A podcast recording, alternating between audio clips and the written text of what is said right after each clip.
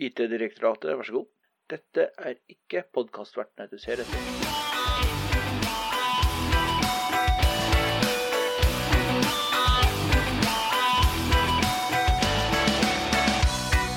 Da er du velkommen til IT-direktoratet igjen. Skal vi si at det her sannsynligvis blir en miniepisode, Øyvind? I og med at vi er et mini-crew. Det er jo bare oss to, er det ikke Det det? er bare oss to. Det er strengt tatt to, to introverte fyrer som sitter og drikker øl. Ja. Eh, Jeg mangler, jeg mangler jo det vanlige skal si, crewet mitt. eh, Andreas og Rikard, som er, har levert inn sykemelding. Så jeg har eh, en av mine vikarer her, Øyvind. Yes, hallo, hallo. Og verken du eller jeg er jo spesielt kjent for å være pratsom. Nei, Nei. Så det her kan jo bli en det kan bli spennende. relativt stusslig affære. Ja. Ja. Da takker vi for, at, dere- for oss, da. Avslutter vi her. Så følger 30 minutter med, med stillhet. Vi skal, jeg tenker vi skal prøve å prate litt um, om eh, konsulent, og det å komme seg inn i konsulentbransjen og sånne ting. Ja, det er jo faktisk et tema som vi burde vite noe om, i hvert fall. Ja, vi har jo vært her noen år sjøl, sånn at um, Ja. For jeg får, jeg får jo i hvert fall stadig vekk spørsmål om eh, ok, hvordan kommer jeg meg inn i den bransjen, eller hvordan blir jeg IT-sikkerhetskonsulent? Hva er liksom fast-tracken dit? Får du noen gang spørsmål om hvordan kommer jeg meg ut av den bransjen? Nei, jeg gjør ikke det. Det går ikke. Når du først er fanga, så Nei, det er liksom, Når du først er der, så kommer du da ikke ut igjen. Du har ikke sjans. Jeg har jo en drøm om at når jeg, blir litt, når jeg blir, en gang blir en gammel mann, som jeg ikke er ennå, så skal Nei. jeg jo begynne å jobbe i en rolig offentlig eh, IT-stilling, egentlig. Men det er litt morsomt du sier, for det er min plan også. Jeg har jo planlagt at når jeg ikke orker mer, så skal jeg eh, få meg fast jobb i eh, gjerne IT-avdeling i kommunen der jeg bor. Ja, ikke sant? Kort reisevei, behagelig, avslappende arbeidshverdag. Masse kaffedrikking. Yep. Ja. Lese avisen, ja. skravle. Nå er vi nesten litt slemme mot dem som jobber med IT i offentlig sektor. Da, for Ja, da, vi bare tuller, da. Det Ja. var- Det var bare tøys. Det er bare tøys. Vi vet jo at dere leier inn konsulenter når det er som verst. Sånn det, Ja. ja, nei, men det er eh, Skulle vi uh... kommer så ikke til å følge det vante formatet vårt i hele tatt, egentlig. Eller Nei. Vi har jo de, noen av de vante punktene våre, har vi vel for det. Vi har tall. vi har tall, og vi har øl. Vi har, vi har tall, vi har lakris. Ja. Eh, Og jeg skal klare å hoste opp en eh, artig release note. ja. Sånn at eh, vi kommer så til å følge de faste punktene våre. Ja. Ja. Så da er det jo Da kan vi jo egentlig gå inn på tall, da. ja, skal du begynne? Jeg kan godt begynne. Det her er litt sånn Det er litt sånn fascinerende sak, fordi at det setter ting litt i perspektiv når man sitter der og, og plages med å få fiksa ting eller få respons på ting, og du sitter og venter tynne tommeltott, og du ser bare den der progress-baren tikke sakte, men sikkert. Eh, Du har jo den eh, Voyager 2, som har eh, en stund nå vært død. Altså, NASA har ikke klart å kommunisere med den. Ja, for den er jo faktisk utenfor solsystemet vårt nå, er den ikke det? Jo, den gjør jo gjerne det, ja. Så, men nå har de jo da klart å få den operativ igjen. Yes. Ja, og den er jo da, hva står her, den er 18,5 milliarder kilometer eh, borte fra, fra jorda. Og det tar 17 timer å sende en liten programinstruksjon én vei.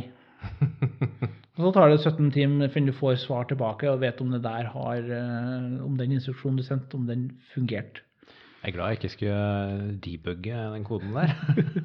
Ja, og det, du kan jo ikke Nå har jeg ikke noe tall på hvor mye data du kan sende i gangen, men uh, det her er jo ikke akkurat ny teknologi. Sånn at uh, den tar nok ikke imot så mye, så mange datasett om gangen. Så det er liksom å sende en kommando, vente i uh, 17 timer for å finne ut om det funker, så sende en ny en. Men de har i hvert fall klart øh, fått den opp og gå igjen. Så Ja. all ære til NASA. Nå får de fortsatt data tilbake fra Voyager.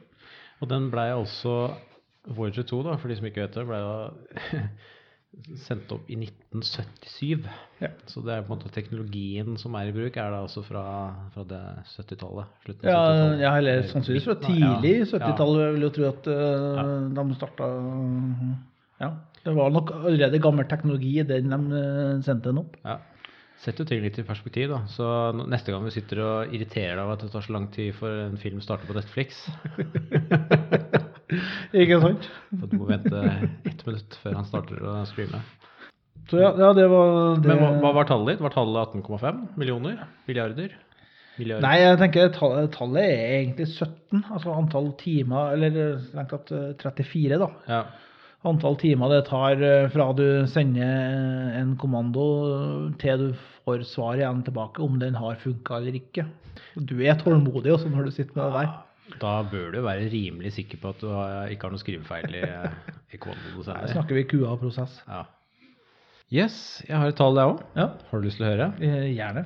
Jeg har jo uh, hatt en uh, historie med å velge litt utradisjonelle tall. Ja, ja du valgte, sist valgte du jo alle tallene. Ja, er eh, jo- og jeg har jo vært på det uendelig, og, uh, og denne gangen så skal jeg prøve meg på et, et annet litt spesielt tall. Eh, Det er for så vidt konkret nok, men, øh, men allikevel ikke helt konkret. Det er et cirka-tall. Cirka, ja. Så tallet mitt er ca. 6,28. 6,28. Ok. Men ikke 6,28, men ca. Cirka, 6,28. Okay, Ja. Eh, og dette tallet eh, har også et annet navn. Tau. Uh, og i den forbindelse så Men ikke som i bryggeriet? Nei, ikke, ikke bryggeriet. Dette er jo selvfølgelig eh, fra Det er vel gresk eller noe sånt, eh, Ja, alfabetet, hvor de ja. Uh, Og i den forbindelse så vil jeg starte med en uh, liten sånn uh, ja, mattespøk. Som jeg prøvde å skrive på norsk, men jeg har fått ut at den fungerer egentlig bedre på engelsk. Så jeg vet ikke om jeg bare skal ta den på engelsk isteden. What is better than a pie? Two pies. Fordi tau, det er nemlig to ganger pi. Ja. Derav ca. 6,28. Eh, det som er med, med tau, da, at eh, det er noen matematikere som mener at det er overlegent pi. Ok. Så det er bedre på alle måter. Gjør eh, enkelte. Ja, ikke bare det, men det gjør For dette er jo tall som har noe med sirkler å gjøre. Mm. Diameter og omkretser og alt mulig eh, kalkulering med, med sirkler. Eh, Og det er mange som mener at, eh, at de, mange av disse formlene blir da enklere og mer logiske hvis man bruker tau-konstanten istedenfor pi. Eh, Så alt jeg har lært på barneskolen er feil? Det er det du Nei, altså du kan bruke begge deler, Ja. men, men det, er Altså pi eh, brukes jo i forbindelse med Hva blir det? Omkretsen. Ja. ja. eh, I forhold, altså å forholde omkretsen og diameteren Ja. til en sirkel. Ja. Mens tau eh, er forholdet mellom omkretsen og radiusen. Så, og ikke nok med det, men tau har faktisk en eh, egen offisiell dag. Og det er eh, 28. juni. Da feires taudagen. Men det, det der er jo litt sånn irriterende. Alle de der offisielle talldagene er jo basert på amerikansk eh, dato. så det fun- funker det funker jo ikke- jævla dårlig. Ja. Absolutt. Så det var mitt tall for denne gang. IT-direktoratet, vær så god. Har de forsøkt å slå maskinen deres av og på igjen? Skal vi gå på temaet vårt for i dag, da? Ja. Konsulentkarrieren. Ja. Hva, hva er en konsulent, egentlig? Skal vi begynne med å definere har vært, i, har vært i utallige workshops uh, gjennom min konsulentkarriere som skal Hva er konsulentkarrieren? Ikke karrieren, men hva er en konsulent? Ja. Hva, men vet du hva ordet konsulent, hvor det kommer ifra, da? jeg gjetter jo at det er et eller annet gresk eh, eller latinsk. Ja, latin. Konsul. Konsultare. Konsultare. Rådgivning, kanskje. To deliberate. Deliberate, ja. Mm. ja. Men i hvert fall det, det Wikipedia Norge si, eh, sier eh, om en konsulent, er at det er en rådgiver av en tjenesteyter.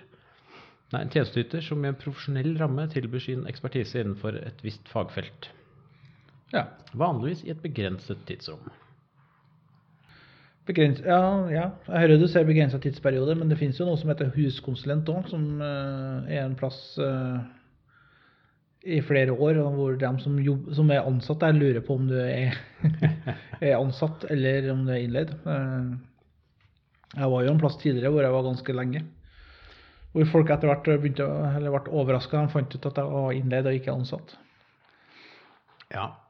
Der, der er det jo litt eh, Altså nå er det jo Det er jo litt forskjell på både hvordan de forskjellige firmaene ønsker det, og selvfølgelig hvordan konsulenthusene eh, praktiserer det. Men min erfaring er i hvert fall at eh, på mange måter når du går inn som en konsulent, så, eh, så, så tar du jo på deg på måte, hatten som, som en vanlig ansatt. Du får jo på en måte en ny identitet. Du får jo ofte en laptop. Ja. eh, Du får e-postadresse. Du får på en måte titler og roller og er med i møter og er på en måte Du, du spiller jo en rolle som om du jobber i, i firmaet. Ja, det tror jeg er litt øh, Kommer litt an på hvorfor du er leid inn. Ja. Altså, jeg tror nok Hvis du er leid inn i et prosjekt som har en begrensa tidsramme, så er det nok mer en ekstern enn hvis du er leid inn i en sånn type linje. Ja. Jeg har vært borti begge deler. Jeg har vært Ja. borti eh, i oppdrag hvor jeg på en måte egentlig har vært helt eh, sidestilt med vanlig fast ansatt. Ja. Og ikke vært, måtte, blitt behandla noe annerledes eller, eller noen ting. Alt er på en måte helt likt. Det er arbeidsoppgaver, eh, hva det skal være. Man blir invitert med på, på felles arrangementer og, Ja. og sånne ting. Men så har jeg også vært på oppdrag nå senest hvor du egentlig bare møter opp og de Gjør dette, du, og så- Ja, altså, du, du, du får ikke utlevert noe utstyr engang. Du forventer bare at du bruker din egen personlige PC og bruker gjestenett liksom, for å koble deg til internett hvis du trenger det. Ja, som, som sikkerhetsmann så finner jeg jo det litt sånn tvilsomt da, i det du som eh, bedrift sier at eh, den ressursen du leier inn for å gjøre et stykke jobb på din egen tekniske infrastruktur, eh, får beskjed om å bruke egen, eller eget utstyr. Du har jo ikke kontroll i hele tatt på hva som Men det, det, det har jeg vært borti. Ja, det Og jeg har jo også hørt, det har jeg ikke opplevd sjøl, men jeg har jo hørt historier om konsulenter som har kommet eh, og fått beskjed om at ja, dere skal jobbe her, eh, hvor det egentlig bare har vært et rom. Tomt rom. Det har ikke vært møbler engang. Uh, hvor de da faktisk måtte ut på Ikea og kjøpe seg egne pulter og stoler. Ja, det Men så ille er det ikke overalt. Nei, det, det må, er jo heldigvis unntake. Jeg må jo si at de plassene jeg har vært, så har jeg blitt behandla veldig godt. Ja. Det, det, det er jo selvsagt litt forskjell på å være ansatt og innleid, og det skal det jo egentlig være. Så det er ikke noe å si på det. Men eh, jeg har ikke blitt eh, henvist til et eh, bomberom uten eh, møblement. Altså. Men hva annet enn eh, det vi har snakket om nå, er det noe annet som skiller på en, måte en, en konsulent fra en vanlig medarbeider? Jeg tenker ikke, eh, ikke kun på det at eh, lønna kommer fra noen andre. Fra en Men, eh, eller annen konto. Nei. holdninger, f.eks. Er, det, har du, er din erfaring at konsulenter oppfører seg annerledes i forhold til arbeidsoppgaver? Ja, altså som, som konsulent så er du gjerne innleid for å gjøre en spesifikk arbeidsoppgave og levere den. Mm. Så du er veldig opptatt av å få jobben gjort som er, som er forventa. Nå, nå skal ikke jeg snakke stygt om faste ansatte, for de må gjøre jo definitivt Ja, ja. en god jobb. Men mm. min erfaring er at konsulenter har mer fokus på å få gjort unna den jobben og, og, og gjøre en god, eh, god leveranse. For ja. målet som konsulent er jo ofte at du at du skal få forlenga kontrakten din og tjene inn eh, lønna både til deg sjøl og til selskapet du jobber for. Mm. Ja, min, egen, min egen erfaring er jo at uh, av, av uvisse grunner Det kan jo være fordi at man rett og slett uh, som fast ansatt så har man ja, altså Det er jo noen som en måte gror fast og, og er veldig fornøyd med, en måte, med det man har gjort en- enhver tid. Og så er det, så er det noen, eh, noen som kanskje da rett og slett ikke har eh, tid. Eh, men men det, det jeg ofte ser, at konsulenter kanskje er litt mer fremoverlent. i forhold til det å ta tak i nye oppgaver. Men det ligger kanskje litt i konsulentens natur at man Hele hverdagen vår er jo på en måte Ja. er jo det å også sette seg inn i nye oppgaver. Eh, man gjør en jobb, man blir ferdig med et prosjekt, og så er det en ny kunde, og da må man sette seg inn i noe på nytt igjen. Så man er jo kanskje eh, bedre rusta sånn sett da, til å hele tiden sette seg inn i nye ting. Ja, og det ultimate målet for en konsulent er jo altså, Du skal jo selvsagt levere en god jobb til kunden og Ja. gjøre det du er ledd for å gjøre, men så skal du jo da sørge for at enten kontrakten blir forlenga, eller at du kjapt finner en eh, ny oppdragsgiver. Så det ligger jo hele tida bak i altså bakhodet og så nager det, den forlengelsesbiten. forlengelsesbiten. Eh, tror, tror du det er noen eh, spesielle egenskaper som det kan være nyttig å ha som konsulent for å rett og slett trives og kunne overleve som, eh, som konsulent?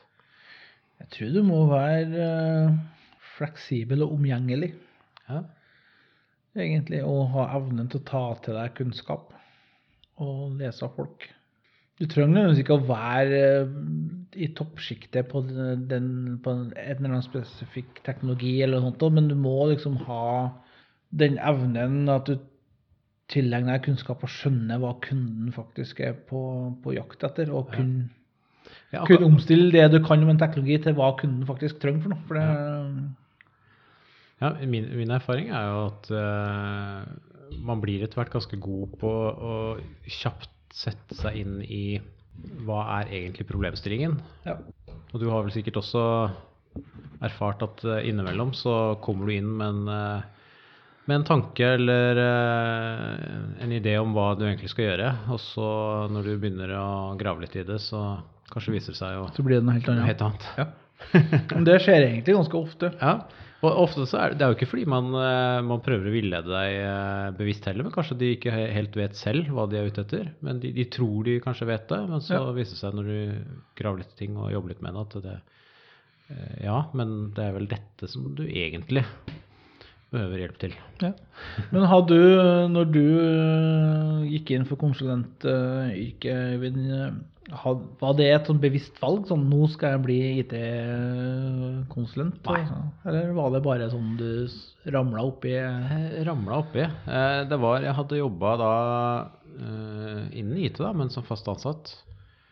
Jeg vet ikke, fem-seks år kanskje. Ja. og så, men så var, begynte jeg å bli litt smålei og litt rastløs. Og begynte å slenge CV-en min litt rundt til forskjellige steder og så bare for å se om det er noe spennende som dukka opp. Og da, da var det jo et par eh, eh, par som tok kontakt da, Ja. og ville ha meg på intervju. Ja. Eh, Det var en del rekrutteringsselskap, selvfølgelig. Eh, og så var det en av de store konsulenthusene. eh, og så var det et ganske lite konsulenthus. Ja. Kanskje mer et sånn en konsulentbod, eller det Har jo knapt nok et hus. ja. Så, og nei, altså, så det, det var jo egentlig bare et ønske om å på en måte flytte på meg. Det var vel en Ja. så det var jo tilfeldig at det var måte, at det ble konsulent. da, Men eh, jeg, jeg traff virkelig tonen da med, med han jeg ble ansatt hos. Eh, Vi hadde en Mm. lang prat, og han mente at jeg var perfekt som konsulent. Det var jo selvfølgelig bare for å lure meg til å signere kontrakten hans. Det var jo selvfølgelig det. Men det har det vist seg at eh, i ettertid at det var jo Jeg angrer jo ikke på det. Nei. Så Nei da, så jeg, jeg, jeg, i, i mange, lang stund så slet jeg nok litt med det at jeg tenkte at eh, innimellom at liksom, hva, hva faen driver jeg med? Altså, jeg er jo egentlig ikke noen konsulent. Jeg så på de som jobba rundt meg som var ordentlige konsulenter. Og, Ja. Men, eh, men, eh, Men hva, da, hva tenkte du da var en ordentlig konsulent? Hva, en som visste hva han drev med. It's funny because it's true. Nei, men altså, For de som kjenner meg, så, så vet man at jeg er ikke, jeg er ikke en sånn veldig frempå-fyr som uh, prater veldig høyt og, og lenge. og Jeg liker ikke å skryte av meg selv, blant annet. Og det, det syns jeg fortsatt er ubehagelig når man skal på en måte være nødt til å være liksom, ljuge lite grann om hvor god man er på ting. eh, og liksom Men det er jo ikke bare en konsulentgreie. Det der er jo De aller fleste gjør jo det for å fremheve seg sjøl, så det er jo pers personlig innsalg. Ja, men det var nytt for meg, for jeg hadde Ja. aldri gjort det før. Nei, ja, nei jeg, jeg jobba jo i staten før jeg ble konsulent, så ærlig Ja. var ikke noe sånn eh, Men var det bevisst valg for, for deg? Og tenkte at nå skal jeg- Nei, det var egentlig ikke det. Jeg òg var ute og sonderte terrenget og søkte hos flere, egentlig, så det var en og skjær eh, Ren og skjær eh, tilfeldighet. Ja. Eh, Så ærlig, jeg har også tenkt, på, tenkt litt på meg sjøl som en sånn, eh, sånn konsulent-type spesialistfyr, egentlig. For når jeg jobba i, i staten tidligere, så var jo når du hyrer inn konsulenter, så hyrer du jo inn en spesialist som kom også og fiksa det og det, og så mm. ut igjen. Eh, Det var jo det jeg har sett av. Ja, vi har vel en par huskonsulenter, for så vidt, da. Men mm. det var det jeg tenkte på som, som en konsulent. Det er en som kommer og så fikser det. Er der en dag eller to, og så ut igjen. Og så- jeg så meg aldri på som den typen fyr som har den spesialerfaringa. Og det er jo egentlig fortsatt sant. da. Jeg er jo ikke jeg har jo ikke spisskompetanse, så er jeg jo ikke en sånn eh, type konsulent som kommer inn en dag eller to og så fikser et bestemt problem og så drar videre. Men det var det, var det jeg så for meg at kanskje ble hverdagen når jeg ble konsulent, da. men det ble, det ble jo ikke sånn. Så det, det, jeg, jeg vil jo si at jeg på en måte snubla inn i konsulentyrket. Ja. Ja, eh, for jeg, jeg måtte ha meg ny jobb, for eh, det jeg jobba i Post- og tele- teletilsynet, og det skulle flytte til Sørlandet. Mm. Jeg har ikke lyst til å bli med dit, så da måtte jeg finne på noe annet. ja. Så da var det egentlig bare å sondere markedet, og der var det et lite konsulenthus. Så For så vidt det samme konsulenthuset som du starta i yes. ikke så lenge etterpå. For en tilfeldighet. For en tilfeldighet. Ja. Og her sitter vi i dag. Ja, men eh, siden du nevnte lite konsulenthus, da. eh, har du noen gang gjort deg for- formeninger eller tanker om det å jobbe et lite konsulenthus kontra å jobbe et stort et? Det er jo et par, tre, fire ganske store Ja, altså Det var jo litt av grunnen til at jeg valgte et lite selskap når jeg starta i konsulentbransjen, var jo for at jeg ville jobbe i en sånn Jeg har ikke noe lyst til å jobbe i et svært multinasjonalt selskap hvor du på en måte drukna i, mm. i, i mengden. Ja. Og det skal være sagt at en del år senere så var jeg nesten på vei over til den typen selskap. Ja. Eh, Nå trakk jeg jo meg si, heldigvis ut av det, da. og fant at jeg skulle gjøre noen andre, ting i stedet. ja. Så det ble ikke noe av det. Men øh, Og da, for når jeg var på vei inn der, så skjønte jeg jo at det her er litt sånn som jeg egentlig ikke har lyst til i utgangspunktet. Det her er en sånn uh, svær greie. Da snakker vi jo Det der var jo et selskap på sånn 200 300 000 ansatte. Jøss. Sånn at da så, Ja. så ja. Så nei, jeg er en stor fan av små selskap, egentlig, hvor det er, det er oversiktlig. Du kjenner dem du jobber sammen med godt, og du Ja, du har en tilhørighet, egentlig. Ja. Så Det er vel kanskje ikke så rart da, at jeg har eh, litt av de samme erfaringene og tankene rundt det, siden vi begge sier vi fortsatt er et lite Siden vi begge jobber i samme lille konsulentselskap. Nei, eh, men jeg har jo også jobbet en periode i et litt større selskap, eh, konsulentselskap. Og eh, opplevd litt på, på huden hvordan det er. Riktignok ikke multinasjonalt, men likevel i norsk sammenheng ganske stort. Ja, forresten, de hadde jo Det var jo utafor Norges grenser også, men eh, men det, men det er noe, det er jo ikke noe galt egentlig med måte, selskapet eller de som jobber der, eller noe, men, for meg personlig så ble det akkurat det som du nevner. altså Det der med å ikke føle at din stemme blir hørt, da, eller at den ikke eh, at du, Altså, du, du drukner da i et Ja. hav av andre stemmer og andre ideer og andre forslag. Eh, og, og du har på en måte flere lag med byråkrati eh, som du må kjempe gjennom hvis du ønsker å måte, bli hørt i, på et eller annet. Men når det er sagt, så tror jeg mange av de større selskapene, i hvert fall i Norge, har en Hvis du vil inn i konsulentbransjen, og du er relativt eh, fersk i IT-gamet, så tror jeg jo det er en god plass å starte. For de har jo veldig gjerne Ja, sånne gode trainee-program og opplæring og mm, spennende kunder og sånne ting. Ja. Sånn at du det er klart De har jo ett uh, fortrinn foran de små konsulenthusene, og det er jo uh, dette med å vinne disse store, ja. store kontraktene og, og rammeavtalene, som er litt vanskeligere for, for oss små å ta. Så absolutt som eh, Så da kan du starte der, og så kan du, når du opparbeider nok pondus, så kan det komme et lite konsulentselskap og tjene mer penger. Ja. så man tjener mer penger også i de store konsulentselskapene? Nei, du kommer til et lite selskap og tjener mer Ja, penger. ja, ja, hva sa jeg? Sa jeg feil? Ja, du sa feil. Ja. Beklager. Så man tjener mer penger i Jøss, det var nytt for meg. Kanskje jeg burde ta en samtale med sjefen min? Ja, du bør gjøre det.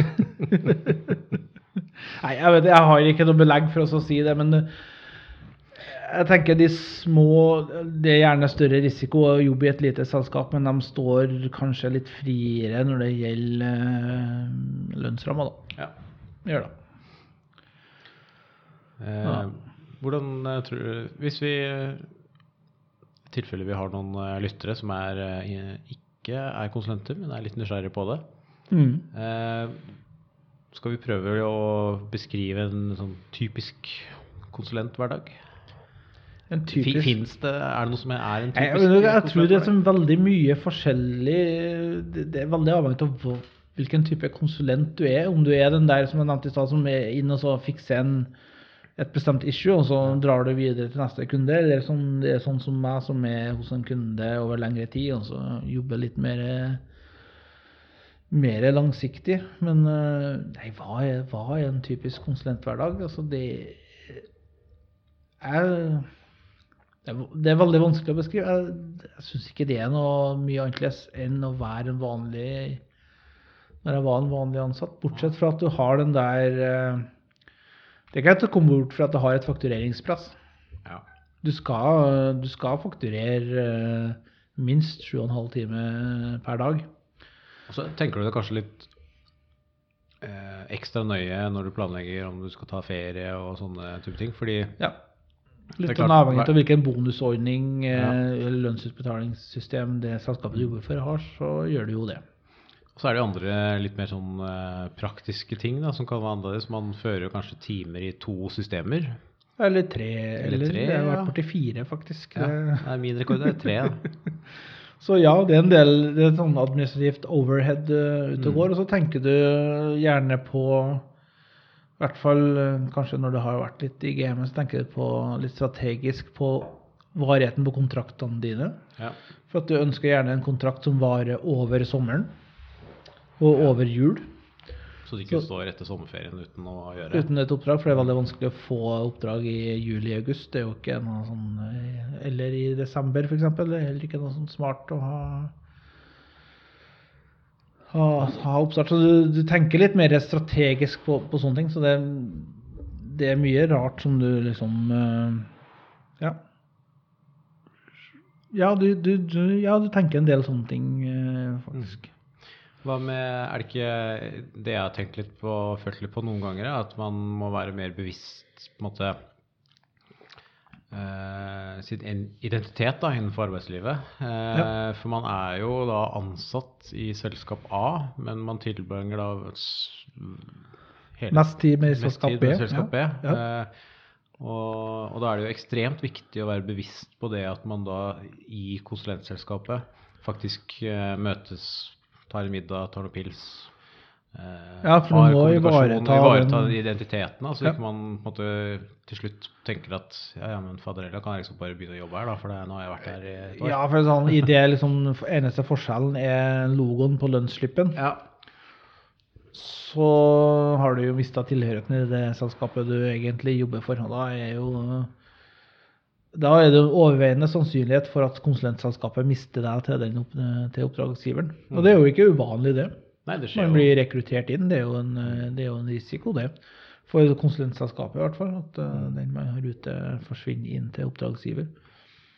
Selv om det er gjerne sånn antirekrutteringsklausuler i kontrakter, og sånt, og så er det jo en Ja. Jeg vil jo si at det er gjerne forståelse for at uh, I hvert fall hvis du har vært der en stund. Mm.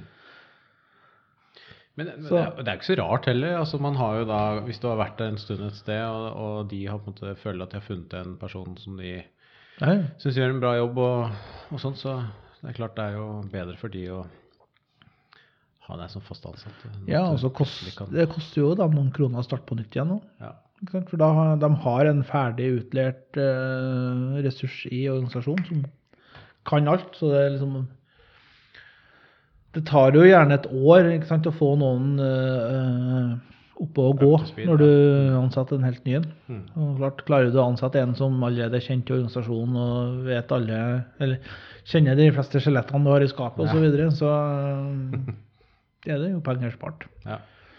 Det er lettere. Ja, det er jo. Ja, men hvordan eh, Så er spørsmålet hvordan havner du i konsulentbransjen? Ja, tenker Sånn. du bevisst hvis det er noen som sitter hjemme og tenker at uh, jeg har lyst til å bli konsulent når jeg blir stor? Ja, Hva gjør jeg da? ja ikke sant? Hvilken utdannelse tar man? Ja. Nei, det er et godt spørsmål. Uh, nei, altså For jeg, jeg tror jo nå eh, I fare for å gå i den dinosaur, dinosaurfella igjen, så er jo vi litt av den eldre garde hvor nødvendigvis ikke IT-utdannelse var en prirekvisitt for å bli konsulent.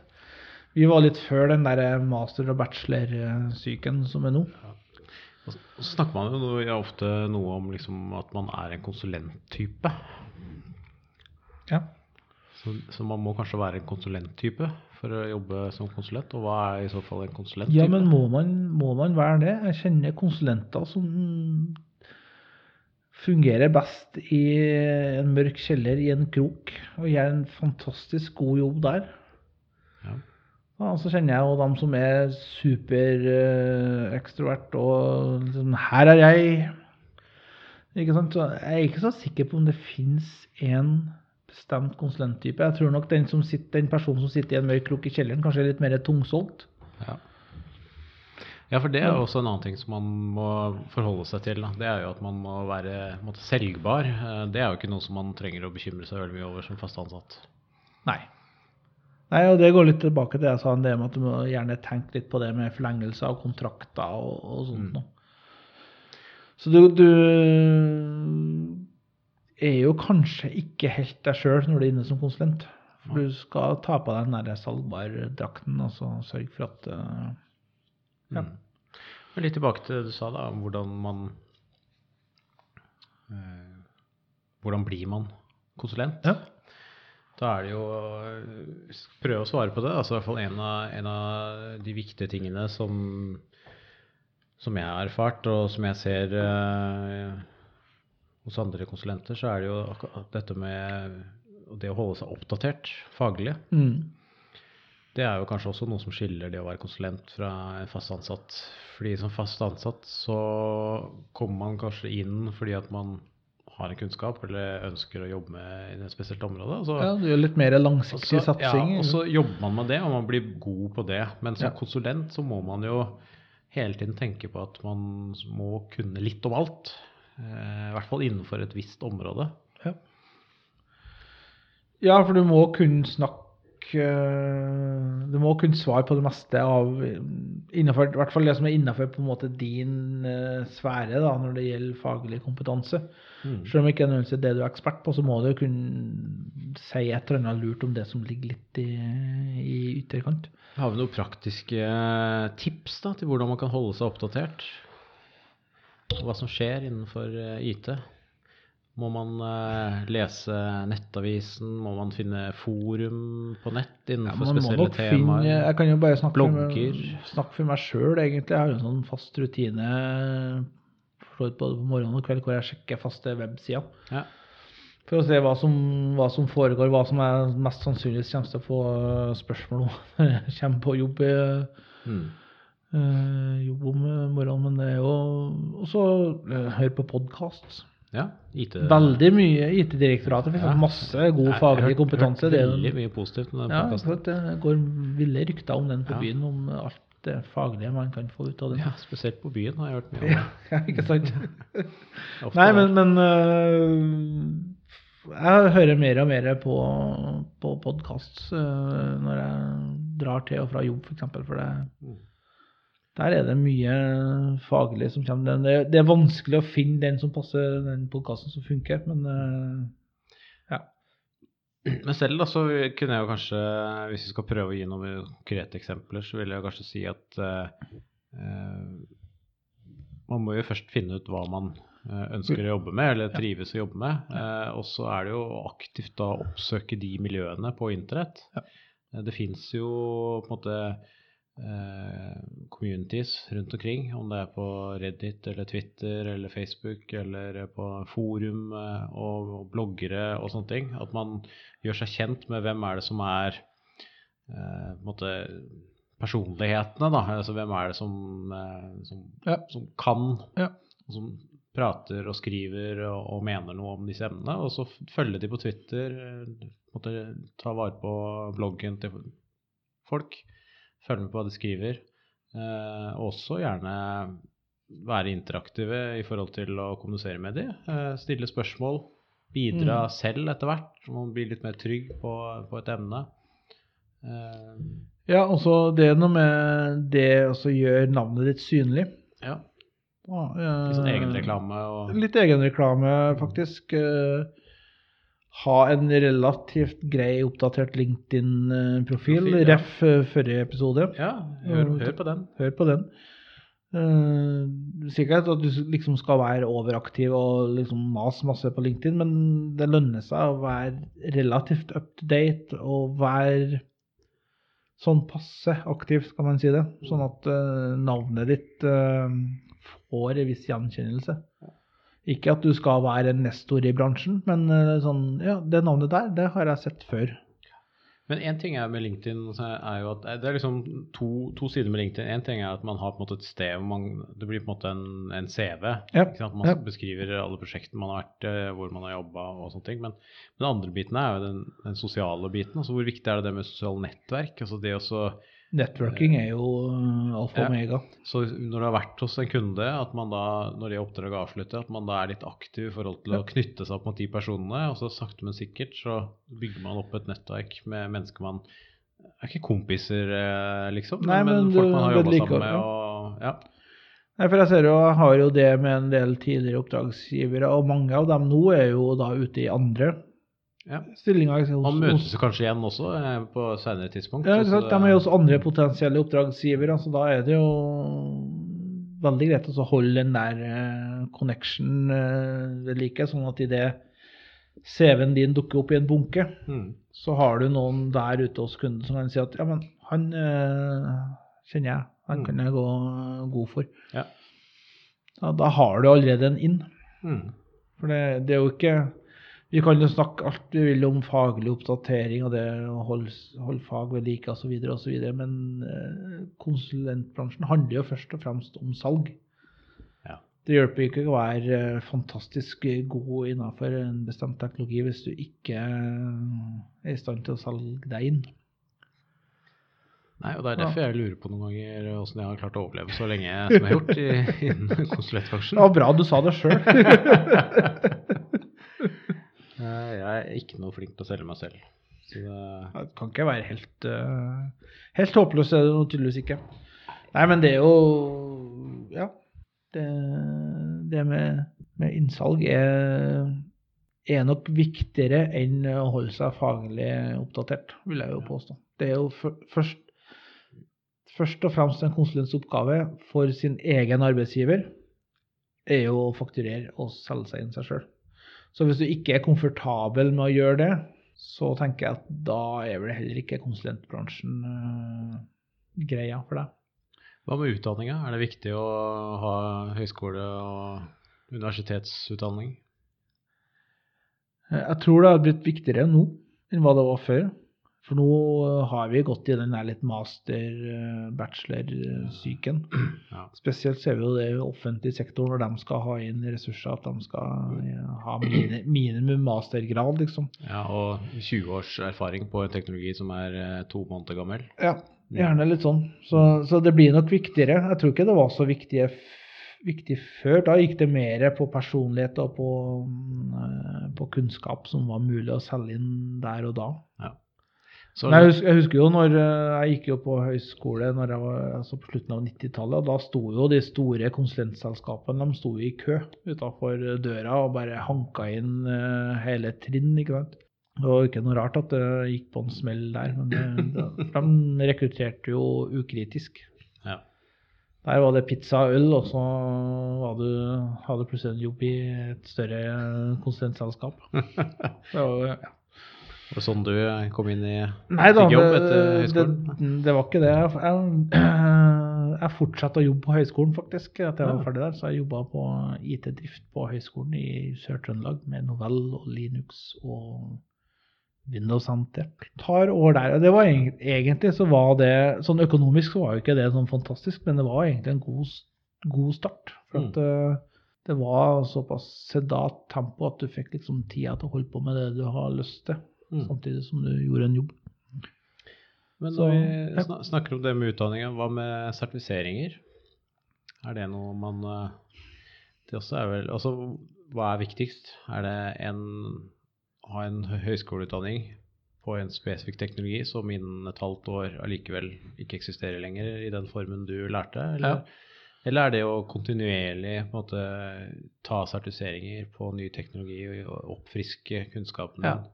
For dem som har hørt på en tidligere episode av IT-direktoratet, de vet jo at jeg ikke er noen sånn stor fan av sertifiseringer. Nå, skal vi jo sagt, nå finnes det jo sertifiseringer som er bra, og som henger relativt høyt. Ja. Men ei stund så var det jo sånn at uh, du fikk sertifiseringer på Nav omtrent. Altså, Var du arbeidsledig, så fikk du en eller annen Microsoft-sertifisering, og så var det ut som uh, IT-konsulent. Jeg har selv Så- uh, vært på et sånt sertifiseringskurs eh, hvor eh, 80% av klassen var Ja. sånne. At Ja, si, på, eh, på omplassering eh, type folk. Men nå skal det også sies at de hadde jo ikke så fryktelig stor interesse av å Nei. gjøre det bra. sånn Nei. at de klarte jo faktisk ikke da sertifiseringsprøven i slutten. Så de satt jo egentlig der bare for å Og det er jo godt gjort når vi snakker om de gamle Microsoft-sertifiseringene, som ikke var spesielt uh, Ja, dette var jo nettverk, så det var litt Ja. annerledes. Men, eh, men ja. Nei, men, eh, men tilbake til spørsmålet ditt. Jeg tror jo igjen tilbake til salg, egentlig. Det som å selge inn ditt selskap og komme på toppen av Altså komme til det intervjuet med kunden, da. mm. Så kan det nok fort være viktig å ha et par sertifiseringer, sånn at du liksom skiller deg litt ut ifra mengden, i hvert fall. Jeg har jo vært borti noen konsulenter som har eh, fokusert såpass mye på sertifiseringer, Ja. eh, og det å ha måte, flest mulig sertifiseringer, eh, at man tar snarveier eh, og laster ned cram sessions og Ja, ja. nipugger dagen før man skal ta sertifiseringsprøve. Ja. Tar sertifiseringa, får sertifiseringa og glemmer kunnskapen. ja, Så sitter, så sitter man da egentlig med en profil da, som tilsynelatende er super, for han har 47 sertifiseringer, tatt det siste halve året, men har egentlig ikke kunnskap om noen ting. Nei, og det jeg tror nok det det vi ser mye av hos våre kjære sourcing-leverandører. Ja. Ja, er den der nipugginga, for det, og så blir du solgt inn på en konto med x antall sertifiseringer, og så møter du den virkelige verden, og så detter du totalt igjennom. Ja, det undergraver jo hele konseptet med det, Ja, det er vel kanskje litt derfor jeg er skeptisk til sertifiseringa, for at jeg har Det er jo litt sånn slapt å se, men jeg har møtt fryktelig med udugelige folk som har haugevis er med sertifiseringer. Ja. Og, men jeg, vet jo at det er en del sertifiseringer som er tegn på faglig kompetanse og henger veldig høyt, men den, ja. Altså, jeg, tror jo i bunn og grunn at de fleste sertifiseringer kan være nyttige, men, eh, men det forutsetter jo at, eh, at når du tar sertifiseringa, så tar du det for å lære noe, og ikke for å få et papirark hvor det står at du kan noe. ja. Eh, men det er jo ikke alltid Det er litt vanskelig, fordi ofte så er det jo papirarket folk er interessert i når du skal inn på et oppdrag eller eh, få deg jobb Ja. eller Ja. sånne ting. Mens kunnskapen er jo det som faktisk eh, holder deg i jobben. ja. For det, han- det handler jo om å komme deg til Få foten inn døra, komme til det intervjuet. ikke sant? Ja. Så frem til at du ikke blir solgt som en del av en total leveranse. altså sånn som Ja.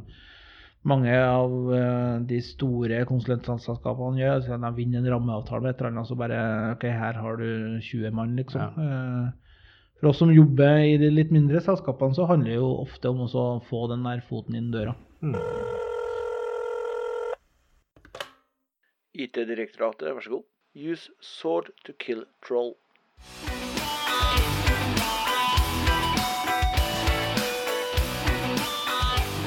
Ja, Ja. da er Perl tilbake fra toalettbesøk.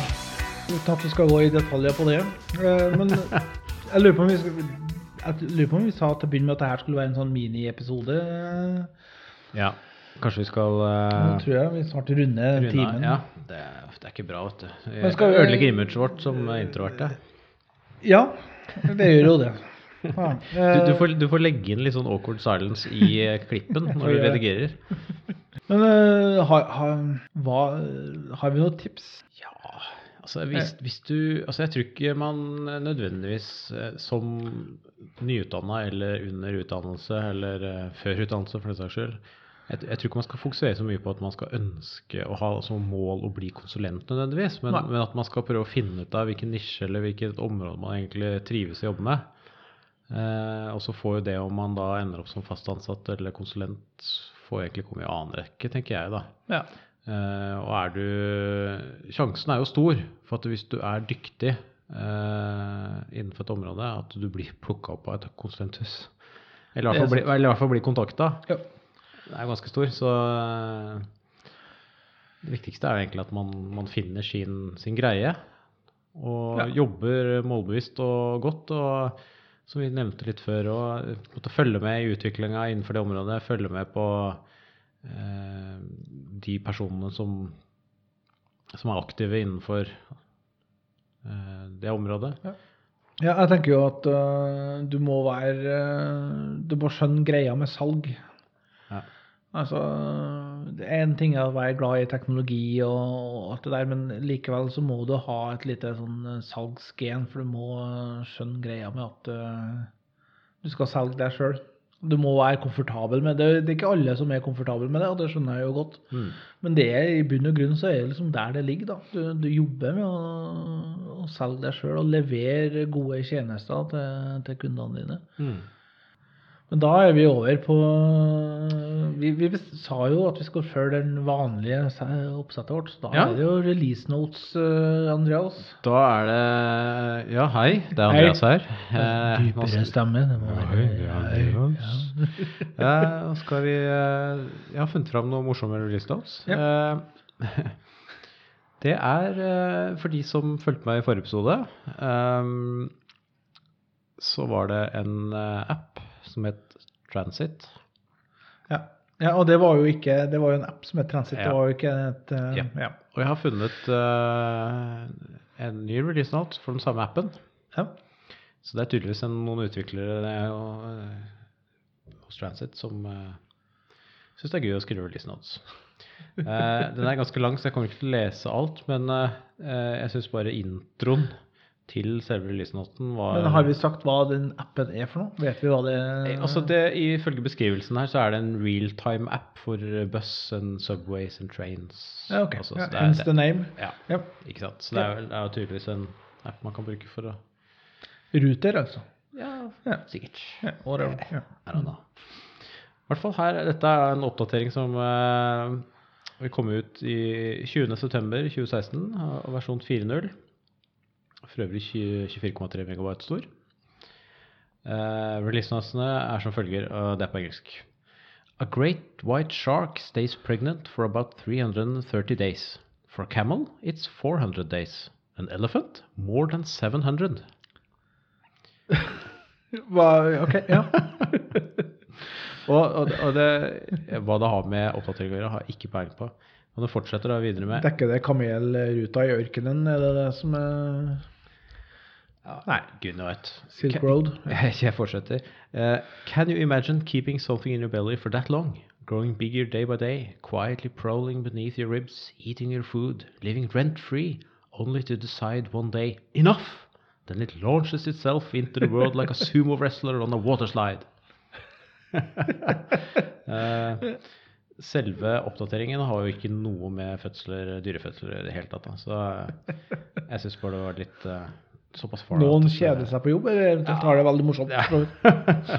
Er, er, de, er, de, er de konsulentmaterie, tror du? Hadde de egna seg som konsulent? Jo, jo, men det er utrolig hvor langt du kommer med litt humor i konsulentbransjen. da. Og litt galgenhumor gjerne eh, viktig. Ja. Og litt kunnskap om eh, natur, eller dyrefødsler. Og... Det var det jeg hadde på Det var det du hadde på release notes? Ja. da sklir vi på vanskelig rett over til Ja, bra Segway. Ja. Da er vi over på øl og lakris.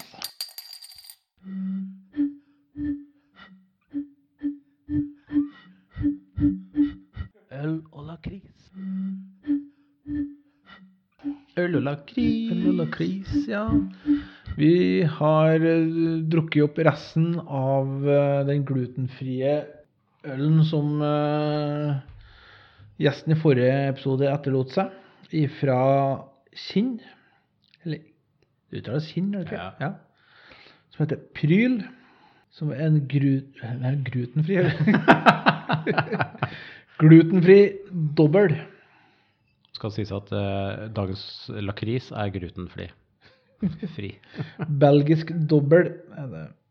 Pryl er et mørkt øl i belgisk klosterstil som får mye Jeg er veldig god på å lese sånn dialekt-nynorsk, føler jeg. Mye farge og smak fra bruken av mørkt Kandissirup Candice-sirup, ja. Ok. Ja, hva, Hva syns vi? hva syns vi? Altså, eh, jeg syns den var uh, lettdrikkelig, god på smak. Men at den var så fryktelig mørk, det er jeg ikke helt med på. Men altså, Mørkere enn en, en pilsner, men uh, ikke, ikke mye. Nei, det var egentlig ikke det. Uh, Den har jo litt mer Den har litt smak, da. sånn at den. i forhold til de andre i glutenfri-kategorien som vi har smakt, så er jo det, det her en av de, de bedre. Ja, absolutt. Så takk til Selina fra forrige episode at hun Ja, la den stå, i, stå igjen i kjøleskapet. Yep. Så Men ikke, en markant øl. Altså, det er ikke noe sånt som du husker. Nei. Men eh, 65 tenker jeg er en fin uh, Ja, dom på den her. jeg tror jeg lander på 70, faktisk. Ja, ja. Ikke var, sant. Og så gjør vi jo bare to, så har vi bare drukket én Vi har vært flinke til å drukke bare én øl. Ja. Og så var det lakris. Da er det Bulov som er Da er det Love More. Ikke, ikke More Love som vi omtalte for en par episoder siden. Som eh, jeg fortsatt uh, syns eh, Ja, den burde ikke vært laga, egentlig. Men eh, More Love, derimot Nei, sorry. Love More. Som er Blackberry and Dark. Ikke så ille. Nei, Nei. det, nå smakte ikke jeg den som dere smakte på for et par opsjoner. Nei, du kan ta ikke- smak den etterpå, den står ja, i nei, det, det går helt fint. Men jeg syns Skal jeg ta en til nå, bare for å friske opp i annerledes? Ja. Er- Ja. ja. Nå skal sies at jeg er jo veldig glad i mørk sjokolade, så den var god, den. Det var ikke dum, den. Nei. Jeg gir den der en sjuer, Ja. tenker jeg. Ja. Jeg er, ikke, jeg er ikke så fryktelig glad i å blande sjokolade og lakris med frukter. Med love. Så jeg lander nok litt lavere enn deg. Ja. Men eh, ikke så veldig mye. Jeg tror jeg lander på en sekser. Ja. Av, av den type smaker Ja, ja. jeg har smakt, så, så er den en av de bedre.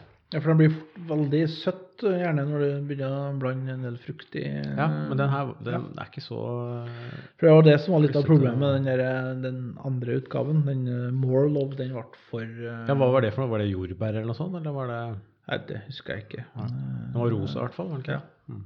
Så, ja, det blir veldig ja, nei, men da eh, Da har vi klart det, Paul. Da har vi klart det, til tross for at vi er to eh, veldig introverte fyrer. Eh, Så, så har det ikke vært en time med stillhet. For kanskje vi klarte å lure oss, lire oss noe halvveis fornuftig. Ja.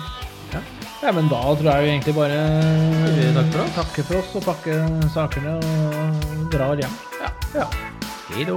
Takk skal du ha. Ha det.